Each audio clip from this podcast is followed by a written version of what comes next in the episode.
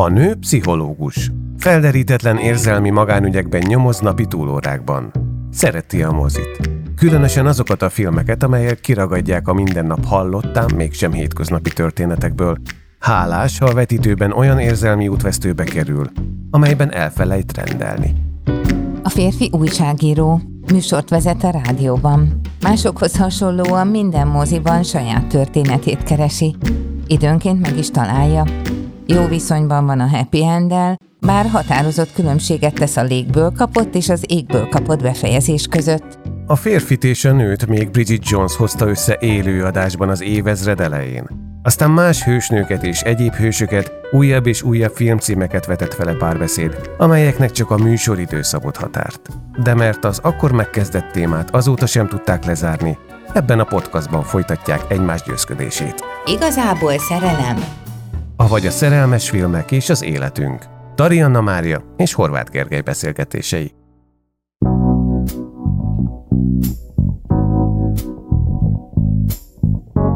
Harminckét éves egyedülálló nő megosztaná az életét, a naplóját és a kék levesét. Bridget Jones naplója, Helen Fielding szingli himnusza René Zellweger, Colin Firth és Hugh Grant főszereplésével – ez az a film, amire egy pszichológus azt mondja, hogy... A klasszikus, az igazi, a tulajdonképpen mindenre magyarázatot adó szingli film. A szingli filmek szent grája? Uh-huh, mondjuk. Amikor Helen Fielding megírta, 1996-ban megjelent a Bridget Jones naplója, akkor olyan szinten robbant be a világba, hogy ezt nem is tudom, mivel lehetne így 21-2 évvel később érzékeltetni, de tulajdonképpen nők milliói ismertek magukra Bridget Jones figurájában, és akkor tanultuk meg azt a kifejezést, hogy szingli, uh-huh. egyedülálló nő, aki már mondjuk úgy, hogy házasság felé tekinthetne, ha akarna, és úgy mindent megold magában, hogyha akar valójában, és akkor még nevettünk is rajta uh-huh. sokat. Mielőtt neki megyünk ennek a beszélgetésnek, a szingliségnek van-e ma ilyen típusú értelme?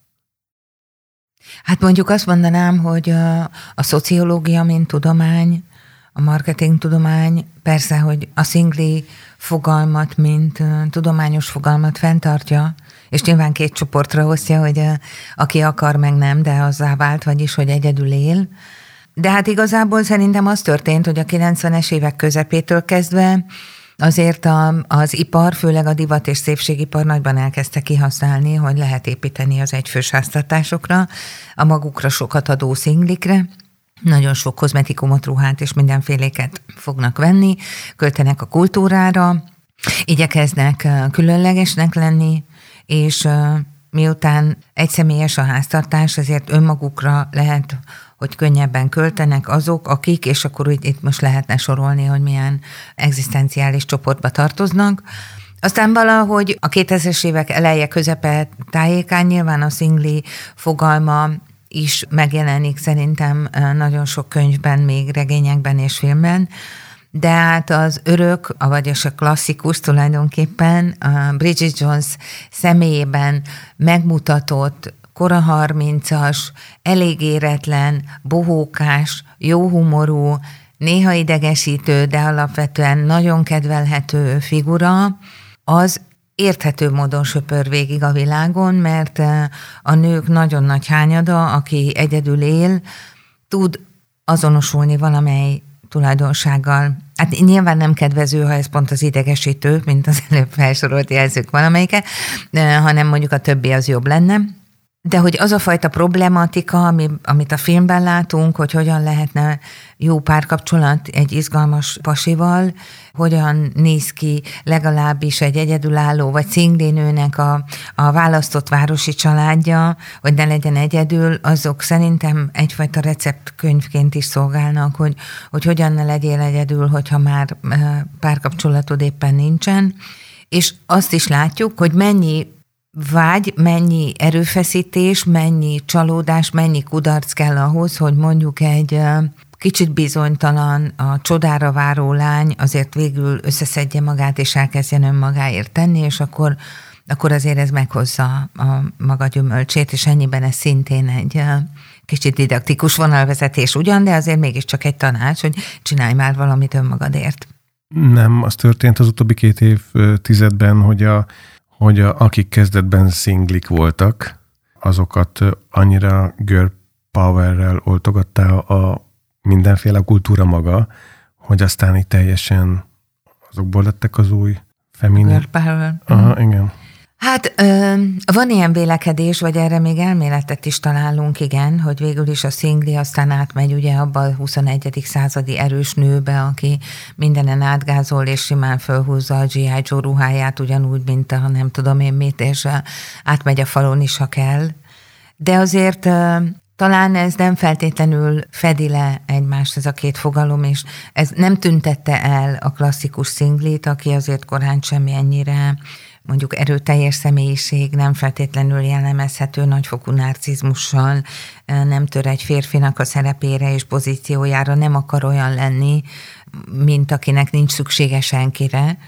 Én inkább azt mondanám, hogy ami az utóbbi 5-10 évben látszik, az a, az olykor a nők elkeseredettsége, hogy nagyon nehéz párkapcsolatot találni, Ráadásul az kifejezetten szerintem bosszantó, és nyilván van egyfajta kereskedelmi érdekeltség is abban, hogy az ismerkedő sapoknak a mellé rendelt cikkeiben folyton az van, hogy sokkal több mondjuk egyedülálló férfi, nő van, mint férfi, tehát hogy a nők nagyon rosszul állnak, mert nagyon kevés férfi szabad, és mindig azt szoktam mondani még bent a rendelőben is, hogy azért ezeket így nagyon komoly fenntartásokkal kell fogadni, mert az nem igaz, hogy öt nőre jut egy férfi, és akkor ezért majd akkor a végén meg kell verekedni a főtéren.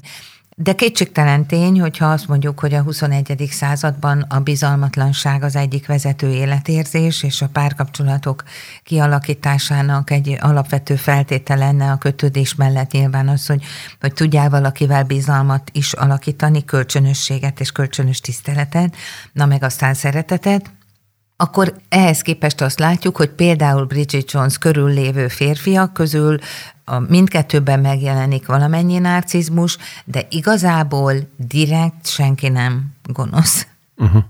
hanem szeretetre méltó. Igen, még a nőcsábász is. Még a nőcsábász is, igen. Igen. Ugyanakkor szerintem ezt a filmet most nem lehetne leforgatni, a MeToo probléma után is érdekes, hogy ezt az, amire Max gyártotta részben, amelynek vezetője, ugye Weinstein, Harvey Weinstein ügyében kirobbant tulajdonképpen ez a jelenség Hollywoodban, meg a, meg a világon. Tehát azokat a érces, élces poénokat, tapizást, ugye van az, a, van az a figura, aki mindig a mellét pásztázza. Tehát ezek most így nem... Ja, Mr. Cici Pervers. Cici Pervers, igen. Tehát ezek, ezek a poénok most nem lehetnek poénok. Meg amikor emlékszel a Cici Pervers, a Daniel Cleaver, meg a a liftben, a liftben ahogy igen. megfogja a fenekét, igen. persze, persze. Igen. Hát azt gondolom, hogy minden trendben vannak túlzások ebben a mostaniban is, mert azért eh, jó, ezt a filmet nem lehetne leforgatni, de én mindig azt gondolom, hogy a józanésszel középen megmaradni a mérlegen az a legbölcsebb dolog, tehát egy nő nagyon tud csábítani, fel tud venni átlátszó búzt, egy férfi is meg tudja fogni egy nő fenekét, szóval ez eh, nem feltétlenül egy gonosz alávaló cselekedet, hanem öröktől fogva eh, dolog nyilván vannak rettenetes helyzetek, amikor ez a kihasználással együtt jár, és nem kell alá menni, mert komoly destrukció vagy agresszió van a háttérben, de hát az ilyen, ilyen flörtszerű, induló szerelem, vagy látszik, hát milyen már Mr. Cici pervers, hát nézd hát itt nem komolyan, nem komolyan vehető, inkább egy ilyen nagypapa, de hát nyilván ebben a filmben, amit látunk, hogy hogy miken kell átmennie egy szinglinek, ugye e, ezekhez képest a, a rokoni nagybácsik között is meg, meglelhető, szintén furcsán nyájas, nem is nagybácsi, az is egy fontos pont Furcsán abban, hogy... Igen, nyálas. Nyálas. igen, igen. De ugyanezt az agressziót, vagy érzésem szerint sokkal nagyobb agressziót látunk, ugye abban a jelenetben, ahol Bridget a házas párok vacsoráján ül, akiknél a férfiak agressziója azért kiveri a plafont, de hasonlóképpen a nőké is. Ez a Tik-tak, tik-tak, ketyeg az órád, mikor lesz már gyereked, hogy állsz a szerelmeiddel, mi történik Milyen a veled, szerelmi életed? Igen, Milyen a szerelmi életed, igen, és ebben zseniális, hogy ugye azt válaszolja, hogy nyilván nehezíti a helyzetünket, hogy a bőrünk vagy a ruhánk alatt pikkelyek vannak, szóval, hogy nagyon szépen megmutatja szerintem Helen Fielding hallatlan humorral, hogy hogy érzi magát, kiszorítottnak, kirekesztetnek egy nő, és hogy viselkednek egymással a nők, amikor az egyiknek van párja, a másiknak nincsen, és akinek van, az úgy ülott, mint aki nem tudom, egy főnyereményt ütött meg, és közben egyik pár sem, hogyha megnézted, egyik se tűnt valami nagyon boldognak, mintha attól villanyozódtak volna fel, hogy most jön egy szingli, akihez képest ők majd párkapcsolatosnak látszanak, és akkor ez nagyon jó. De hát az ugye elég szánalmas egy helyzet, amikor ennek tudsz csak örülni. Hogyha van valaki, akihez képest jobban vagy, akkor az ugye nem jelenti azt, hogy te tényleg jól lennél. Ez a mi randi filmünk, nem tudom, emlékszel rá. Hát, hogy nem emlékezni? Ekkor találkoztunk először, amikor elkezdtünk beszélgetni a szerelmes filmekről, egy uh-huh. rádió műsorban. Hát ez még a 20. Ha század volt. ez még a 20. század volt. És akkor nagyon szeretted. Most is, is nagyon Most is nagyon szeretted, igen, én is, tehát egy nagyon szerettük, üde volt, jó, jót nevettünk, többször láttuk, és most újra néztem. Már megint? Kétszer újra néztem. Nagyon helyes, és biztos sem tetszett. egy évvel hogy... ezelőtt. Igen. Vagy igen, és most megint, és nagyon érdekes volt, amikor először néztem újra, most nem olyan rég, hát iszonyatosan idegesített. És furcsa volt, hogy most erre a beszélgetésre készültem, megint megnéztem, és kicsit kevésbé idegesített, mint amikor először idegesített, de még egy kicsit igen, de változatlanul nagyokat lehet rajta nevetni. És azon gondolkodtam, hogy ez, a, ez az idegesítés, ez, ez mire emlékeztet. És Tudod, mire jutottam? Na? Woody Allenre. igen. A bénázás. Igen, uh-huh. igen. És az, hogy miközben egy nagyon bájos, kedves, önreflektív, önironikus jelenséggel állunk szembe, aközben azért vannak olyan dolgok, amik most már így idegesítenek abban a vonatkozásban, hogy, hogy nem fejlődik, vagy nem lehet valaki ennyire nem is tudom micsoda. Tehát, hogy abból valami, valami tényleg hiányzik, de nem is az a gond, hogy hiányzik, hanem hogy nem indul el annak a pótlására. Miért ne lehetne jósággal nézni az infantilis működését? Persze, hogy azt lehet mondani, hogy idegesítő, de hidd el, nagyon sok olyan nő van, mondjuk férfi is, aki akinek egyébként vannak infantilis vonások a személyiségében, és ez nagyon egyébként jól is jön, mert 30 fölött nem kell szemránckrém, hogyha még tudsz vihogni 70-80 évesen is. Szóval, hogy ebben az értelemben az, hogy egy nő az életében néha nagyon gyermekdelt helyzetekben kicsit hülyén festve csinál valamiket, mint hogy hamisan kornikál, meg elfelejti izgalmában a nem tudom még a nevét, mert két pohárra pesgővel többet ivott, meg felveszi a nagymama bugyit a izé helyett, szóval, hogy ezeknek a helyzeteknek a bája szerintem nőként nézve a filmet inkább azt mutatták, hogy mennyi kis ostoba hülye helyzet, amiben egy nő a lendület visz bele, úgyhogy nem is figyel, hogy mi történik. Ez kétségkívül így van, csak ugye ez a film a büszkeség és barítéletnek egyfajta ilyen modern továbbgondolása. És a büszkeség és barítéletben ez a fajta infantilizmus nincs, hanem méltóság van és tartás. Na de hát más korban is játszódik. Na de ez hiányzik, nem? Hogy amiért ez szembetűnő, az az, hogy bizonyos életkorban, a mikorunkban mennyire kitolódik az éretlenség kora. Ezt a saját életemben is ugyanúgy el tudom mondani, tehát ez nem, hogy mondjam, vád más felé, hanem ez egy jelenség hogy el, elveszítjük szem elől azt az utat, amit valahol azért át kéne vennünk valamiféle hagyományból, hogy hogyan működik egy emberi párkapcsolat, vagy egy emberi élet, hogyan épül föl és mikor. És ennek ugye mindig csak a negatívumát hallottuk, de nem láttuk nagyon pozitívan fölépülni. Már hogy most nem olyan filmekről beszéltünk elsősorban, amelyek így mm-hmm. közelítenek hozzá, de hogy itt is belesodródik egy, egy helyzetbe, amit a kultúra ad, Bridget, hogy nem, vagy később ismeri fel azokat a valódi értékeket, amikkel alapján már tud tájékozódni egy férfiben, és ez vice versa. Na de hogy lenne ő egy érett személyiség, néz rá az anyjára. Tehát most nem akarom nagyon pszichoanalitikus módon elemezni a szülőket, de hát van egy édes apja, mármint édes-édes, tehát hogy uh, Tüneményes. Nagyon, nagy, igen, nagyon helyes ember, aki hát nem sok mindent csinál aktívan, inkább kivár minden szempontból, és van egy olyan fokon habókos anyja, hogy öröm nézni, aki simán azt mondja a saját lányának, hogy hát nem valami nagy öröm gyereket szülni, megnevelni, hát akkor hol vagyok én, ugye mondja a legédesebb narcisztikus hangon, ami létezik, amiből nyilván az is kiviláglik, hogy biztos anyaként ő ott volt, de nem biztos, hogy azt a, azt a fajta szeretet mennyiséget, vagy érzelem mennyiséget lehetőséget megadta a lányának, amire annak szüksége lehetett, ezért eh, ahogy anya kóvályog az életben, Bridget is ugyanúgy kóvályog. Nem meglepő ez egyáltalán, már ha így pszichológusosan nézed a filmet. Hogyha sima nézőként nézed, akkor pedig akkor is szerintem szembetűnő, hogy, hogy Bridget még 30 akárhány évesen sem tud igazán segítséget kérni a szüleitől. Nagyjából azt látjuk, hogy mindig azok támaszkodnak rá. Hogy érhetett volna így felnőtté? Jó, ami pozitív Bridget életében szerintem, hogy van egy fix társasága. Hárman. Pontosan a választott van városi baráti... családja. Igen.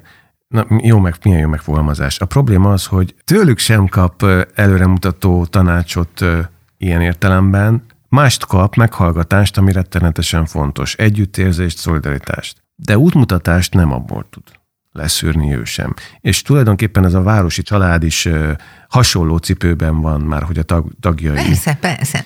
Tehát mint hogyha valami iránytűt így nehezebb lenne megtalálni, mint, mint mondjuk akár a büszkeség és balítélet idejében. De ne gondolt, hogy most másképpen van, akárhány kutatást megnézünk, most azért nagyjából az látszik, hogy négy-öt-hat évvel vannak eltolódva az életfeladatok mínuszban, tehát halasztott gyerekkor, mama hotel, Pán Péter szindróma, ezek mind olyan jelenségek, amik az éretlenségét mutatják a fiatal felnőtt korcsoportnak. Szóval az, hogy Bridget városi családja szintén bizonyos szempontból az életében kóvájgó barátokból áll, az azt mutatja, hogy ők egymásnak, amit tudnak adni, az tényleg az érzelmi támogatás, hogy lehet tudni, hogy szeretik egymást. Nem tudják megmondani, hogy mi legyen, azt sem tudják megmondani, hogy mit kéne csinálni. Nem tudják, hogy hol épüljön fel az életük. Sincs. Igen. Hát persze. Így van hömpölyögnek az életükkel. Van egy, egy jó munka, és párkapcsolati kudarcok tömkelege. Szerintem ezért is robbant talán ekkorát a könyv is, meg a regény is, és utána azért ugye van még két Bridget film, és azt hiszem, hogy három könyv, aminek most nem jut eszembe a neve, de ha mindjárt megőrülök, meg a Bridget Jones naplója kettő, vagy, vagy nem, tudom, nem tudom, de... Hát figyelj, hár, hármat elkezdtem nézni, hiszem az a három, vagy a négy, nem tudom. A Glastonbury Fesztiválon volt, ha jól emlékszem, és beesett valami sátorba, és akkor ott azt mondtam, hogy itt vége a Bridget történetnek, úgyhogy maradok az egyetlen. Az hát első, van, ami a tájföldi utazása, a, meg amikor végén terhes lesz, meg gyereke lesz, szóval, hogy Látunk, nyilván látnánk, ha most az összes filmet megnéznénk, nem csak az elsőt, akkor látnánk valamiféle fejlődést, amelynek a végére ő egyébként egyedülálló anyává válik, de hogy amikor berobban ez a film, akkor az nem véletlen, hogy nők milliói éreznek együtt Bridget sorsával, mert azért akkor így a 20. század legvégén látszott az, hogy nagyon kell tudnod, hogy te ki vagy, tehát amit te most iránytűnek fogalmazol, és a balítélet megbízható rendszerét, vagy erkölcsi morális rendszerét emlegeted, mint egy ilyen karót vagy támaszt, amit lehetne használni, úgy nyilvánvalóan csúszik ki mindenki alól a talaj, a fogyasztói társadalommal, és már indul az információs kor lassan, szóval akkor nagyon kell tudni, hogy ki vagy te, és pont a, az a nehézség, hogy a, az élet meg nem ad elég fogócót ahhoz, hogy tud, hogy ki vagy te, és akkor le, lesz ebből egy ilyen csapda. És ha pont olyanok a szüleid, mint Bridget a filmben, hogy ők maguk is nem, nem tudjuk, hogy hogy tudták életük előző 60 évét ilyen ügyesen átcsónakázni, hogy végül is csak megvannak, meg azért élnek, meg nyilván van valami pénzük, meg azért jó módúak, és beletartoznak a társaságba. Nem erős szülők. Igen, jó. De akkor... Azon gondol, egy dolog még, azon gondolkoztam ma, én is tegnap néztem a filmet, hogy viszont egyetlen egy igazi, a filmen átvonuló rendszert látunk, és ez a szülők baráti társaságának az összejövetelei, a Rubint lakodalom, a karácsonyok, a, a kurvák és papok buli, hogy a, a felnőttek, hogy úgy mondjam, hát nyilván a 30 éves picurkáknak a szülei, nagyon tartanak egy olyan mondjuk így társasági eseménysort, ami nekik is biztonságot ad. És Bridget mit mond a legelején, ugye az anyja miről tözteti fel a szőnyegbe, amikor találkozik a szarvasagancsos, gyönyörű, rénszarvasos pulcsiba bújt Colin firth hogy hogy hát de jó, hogy jöttél, itt van a, megyünk a nem tudom én hova, mondja az anyja, mert hogy itt van a nem tudom én kinek a fia, elvált. Uh-huh. Tehát, hogy a szülők segítenek a gyerekeik magánéletén, uh-huh. legalábbis megpróbálnak társasági életet szerveznek. És azon gondolkoztam, hogy van-e ilyen ma. Nem, nem úgy, hogy a szülők kerítenek-e a gyerekeknek, hanem, hanem hogy mennyire hajlamosak vagyunk ezekből így leadni, hogy nincs, nincs feltétlenül mindenkinek már ilyen masszív 20-30-40 fős olyan baráti társaság, amelyikben pedig szintén van plegyka, meg mindenféle, de hogy ott az összetartás, és mindenki ott van, és beszélgetnek, és együtt főznek, esznek, hogy azért ez, ez egy igazi rendszer. Van még valami, vagy még valaki, akit ez a film adott a, hát, ja, kultúránkba, fogalmazunk így, nem csak Bridget figurája, hanem Mark Darcy figurája. Igen. És ő lett az ügyeletes férfi, de uh-huh. nyilván nem a szarvasos, agancsos pólójában, hanem, hanem hát nézd, a Colin Firth. Tehát Igen. akinek a szájából elhangzik a film kulcsmondata, hogy szeretlek úgy, úgy szeretlek, ahogy vagy. Ahogy vagy. Így van. Így van. És hát egy ilyen férfi, aki megvallja, hogy megvallja az érzéseit, még ha ilyen fura és bizarr módon is, de hát egyébként nem is egy rossz svádájú, egy jó szituált valaki, aki, tehát egy, egy nagyon ideális menekülteket véd, vagy bevándorlókat véd, mint ügyvéd, ugye. Tehát aki ezt, ezt így hozza az ideálokat. Nem fogom elfelejteni, volt egy ismerősöm, aki egyszer azt mesélte, és akkor már jó néhány évvel túl voltunk a Bridget Jones őrületen, hogy, de még így jelen volt erősen, hogy, hogy nézte a barátnőjével a filmet, és akkor egyszer csak a lány így felsajtott, oh, Mark Darcy, Mark Darcy és csak így később esett neki, hogy ott van a szerelmével, nézi ezt a filmet, és a szerelme egy fiktív figurál kapcsán sóhajtozik az ölében. És ez most nyilván egy eset, ez valójában ez így nagyon sokszor, nagyon sok helyen megismétlődött. Tehát Mark Darcy nem tudom, hogy jót teszenek nekünk. Mondom a férfi társadalom nevében, mert olyan standardeket tesz fel a srác, igen, hogy igen. nagyon nehéz megugrani. Igen, igen. Az igazi angol. Ez zseniális, ahogy beszél, amilyen modoros, amilyen kulturált, intelligens és kicsit mégis olyan régi módi, vagy mondhatnám arhaikus, akiről megtudjuk, hogy azért szót fogad az anyukájának, fölveszi azt a rémes pulcsit, híres jogász vagy ügyvéd létére, és később aztán ugye ez módosul télapós nyakendőre, vagy hóemberes nyakendőre, Szóval, hogy kapunk utalást arról, hogy ő azért tud párkapcsolatban létezni, hát hisz elég jobban van a szüleivel, és arról is kapunk utalást, hogy egy komoly ember, aki valószínűleg képes stabil érzelmekre, hosszú ideig tart, mire kimond valamit, de amit kimond, azt úgy tűnik, hogy tartja. Ugye vele szemben áll Hugh Grant figurája, Daniel, aki azonnal mond, és nulla súlya van annak, amit mond, nem lehet rá se tá- nem támaszkodni, nem lehet, tehát inni nem lehet neki valójában. Viszont nagyon szemelmes. Hát, Ezt meg kell adni neki. Hát abszolút. Hát ez zseniális, ha mi lesz a kiadóban holnap, és jó, hogy mondod, ez egy olyan hely, ahol papírra nyomtatunk könyveket, amelyeket egyébként bekötünk, tehát egy zseniális, zseniális.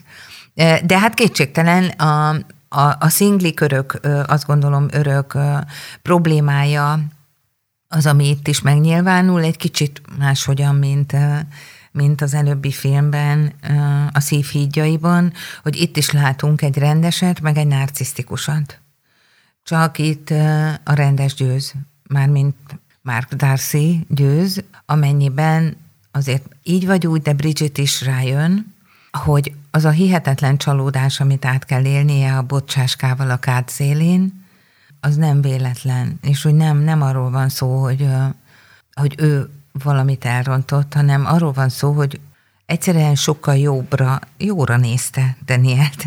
De, de, amit általában a nők megtesznek világszerte, amikor találkoznak egy olyan narcisztikus férfival, aki eltekeri a fejüket, és először olyan gyönyörűeket mutat, mint ahogy korábban mondtam, hogy szinte filmszerű gyönyörű, megadja mindazt, amire egy nő vágyhat, meg még azon túl is, csak éppen az a helyzet, hogy ez a fajta gyönyörűség, hogy egy nőnek mindent megad, megjelenik, rózsával a fogai között, az azt is jelenti, hogy ül a lovon rózsával a fogai között, és amikor ezzel a nővel végzett, akkor már ott van a következő nőnél. Az életlenségnek tudható be, hogy mondjuk ilyen alapon a szinglik egy része, talán meghatározó része túl sokáig néz az ilyen kalandor típusú férfiakra, mint társjelölt? Mert ugye itt van egy olyan csúszás, hogy tulajdonképpen, ha lehetne, akkor élből Daniel Cleaver lenne az ő örökre szóló társa, ugye? Ez van ebben a történetben. Mm-hmm. És kell egy csalódás, amíg ez észrevevődik, hogy ő belőle ki kell jönni, ez is megtörténik a filmben. Aztán hát ott a másik, aki más, teljesen másképp működik, de hát mégiscsak vele együtt lehet kéklevest főzni. Az életben azt gondolom, hogy ez a mai napig úgy van, hogy azoknak a nőknek tetszenek a narcisztikus férfiak, akiknek maguknak is kötődési nehézségeik vannak. Tehát a film elején nagyon Bridget se lenne képes, és egyébként majd később is láthatjuk, hogy ő se teljesen bír megmaradni hosszan egy párkapcsolatban, de hogy narcisztikus férfiakra azon nők tudnak vágyva tekinteni, akiknek az érzelmi háztartásában ott a bizalmatlanság, a gyanakvás, és az, hogy nem szabad senkit se közel engedni. Így történik az a tudattalan működés, mint egy ilyen védelmi mechanizmus, hogy a nő olyat választ, akihez nem is kell kötődni, mert nem is lehet. Ettől még az átélt fájdalom valódi lesz, tehát nem arról van szó, hogy, hogy rideg-hideg működéssel egy ilyen nő bármit elvisel egy ilyen férfitól. Pontosan az történik, amit gondolhatnánk, hogy, vagy amit látunk Bridgiten, hogy elhiszi, hogy ő álmai férfia, isteniek vele az élmények, és utána a csalódás akkor, amintha ledobtak volna a tajgetoszról, hogy minden ízéporrá hullik, és ehhez képest a Mark Darcy figurájában azt látjuk, amit egyébként a valóságban a nők is szoktak látni, hogy ott van egy hát elég unalmasnak tűnő semmilyen figura az anyja pulcsiában, mint egy ilyen nyomi, és akkor ez ki. És hát mondjuk pszichoterápiás helyzetben is szoktam ilyenkor azt tanácsolni egy nőnek, aki ki, kijön nagy nehezen egy narcisztikus párkapcsolatból, hogy csak olyan, férfit, olyan férfit ne válasszon legközelebb, aki tetszik neki.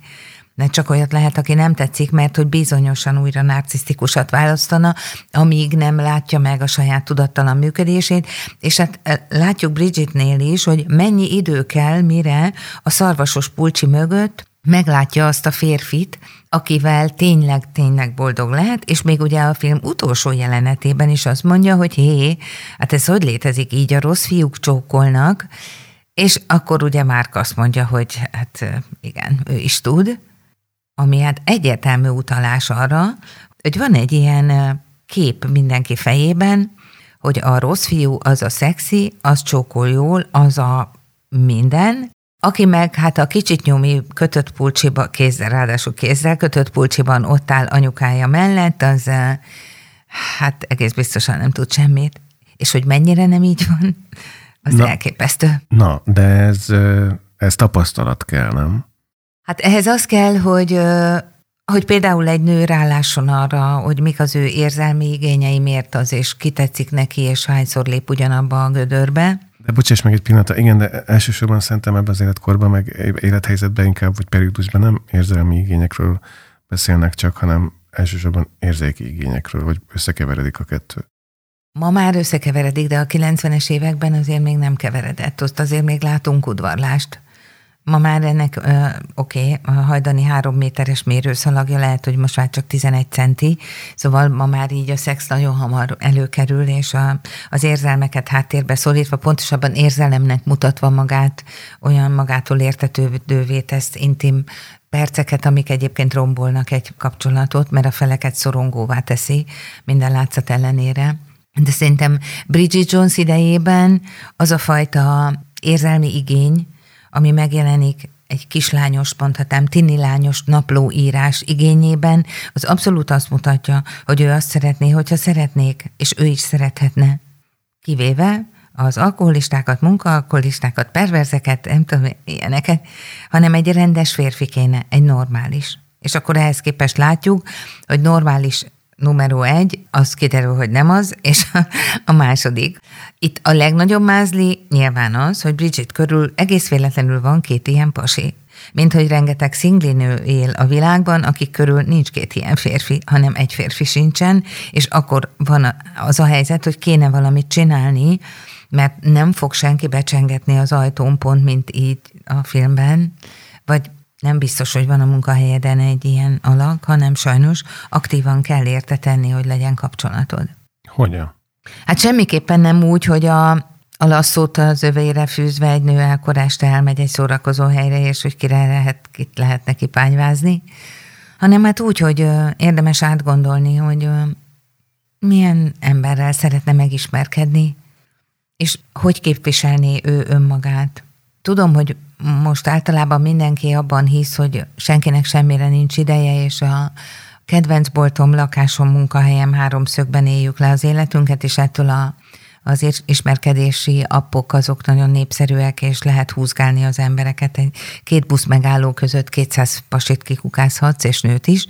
De én azt gondolom, és szerintem nagyon sok kollégám hasonlóképpen vélekedik, hogy az emberi szituációk azért még mindig sokkal jobbak. Tehát mondjuk, ha valaki szeret olvasni, akkor, eh, akkor mondjuk nyilván nem a pandémia helyzetében, de például még mindig meg lehet ezt csinálni, amit meg Ryan is megcsinál, ugye a You've Got Mailben, hogy beülsz egy kávézóba, és olvasol egy könyvet, meg egy.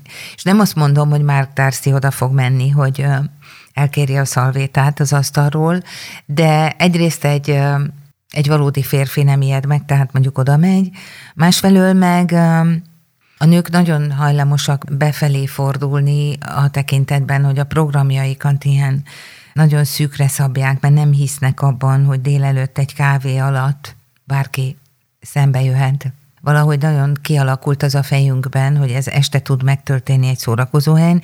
Akkor egyébként nem halljuk egymást. Hát igen, de mondjuk nyilván van a nőknek egy másik csoportja, aki azt mondja, hogy nem hiszek a szórakozóhelyen való ismerkedésben, de más helyekre meg nem járok. Ugye szóval, hogy ezek azok a lehetetlen élethelyzetek, amitől ez egy elképzelhetetlen vállalásnak tűnik, hogy sikerüljön. Így jut mindenki a számítógépe elé, vagy az okos telefonja fölé, hogy akkor megnézze, hogy mi a kínálat, vagy mi a felhozatal, hogy még csúnyában fejezzem ki magam, és akkor látjuk a tárgyasított keresést. Ahelyett, hogy elhinnénk azt, hogy ha teszünk érte, az inkább azt jelenti, hogy tényleg kell hozni egy döntést, hogy szeretne párkapcsolatot, és tudom, nagyon nehéz ezt elhinni, de amikor egy nő tényleg úgy dönt, hogy szeretne valakit, akkor valamiféle zöld lámpa mégiscsak világít a homlokán. Nem a kihívó viselkedés, nem a nem tudom én mi miatt, hanem mert annyira hitelesen megy az utcán a tartásában, ott, ott van, hogy ő, ő egy olyan nő, akihez egyébként, ha úgy van, oda lehet lépni, el lehet hívni egy randira. Ez egyébként megtörtént, tehát, hogy volt ilyen tanácsom, ami után ez tényleg bekövetkezett, hogy, hogy létrejött egy ilyen párkapcsolat, amivel most nem azt akarom mondani, hogy egy ilyen mondat igazolja az elméletet, de azt igen, hogy, hogy két ember akkor tud összetalálkozni, ha érzik egymáson azt a fajta kölcsönösséget, hogy a férfi nem egy baseballütőt kap a homlokába attól, hogy oda ment, és a nő pedig nem fogja azt gondolni, hogy atya úristen kijött ide, mindjárt menekülök, azon felül mindenkinek meg kell adni az esélyt. Tehát minél többet kell beszélgetni, minél több helyre járni, minél több programban részt venni, és olyan programokra menni, amik tükrözik az ő egyéniségét. nem kell kézműves vásáron, nem tudom én mit csinálni, ha ő egyébként kiütést kap a kancsóktól, akkor menjen kiállítást nézegetni valaki. Szóval, hogy nem kell mást mutatni, mint amilyenek vagyunk. Ezt nagyon szépen elmondtad. Egy kis monológ. Úgyhogy tekintsük ezt útravalóra. Oké, okay, rendben.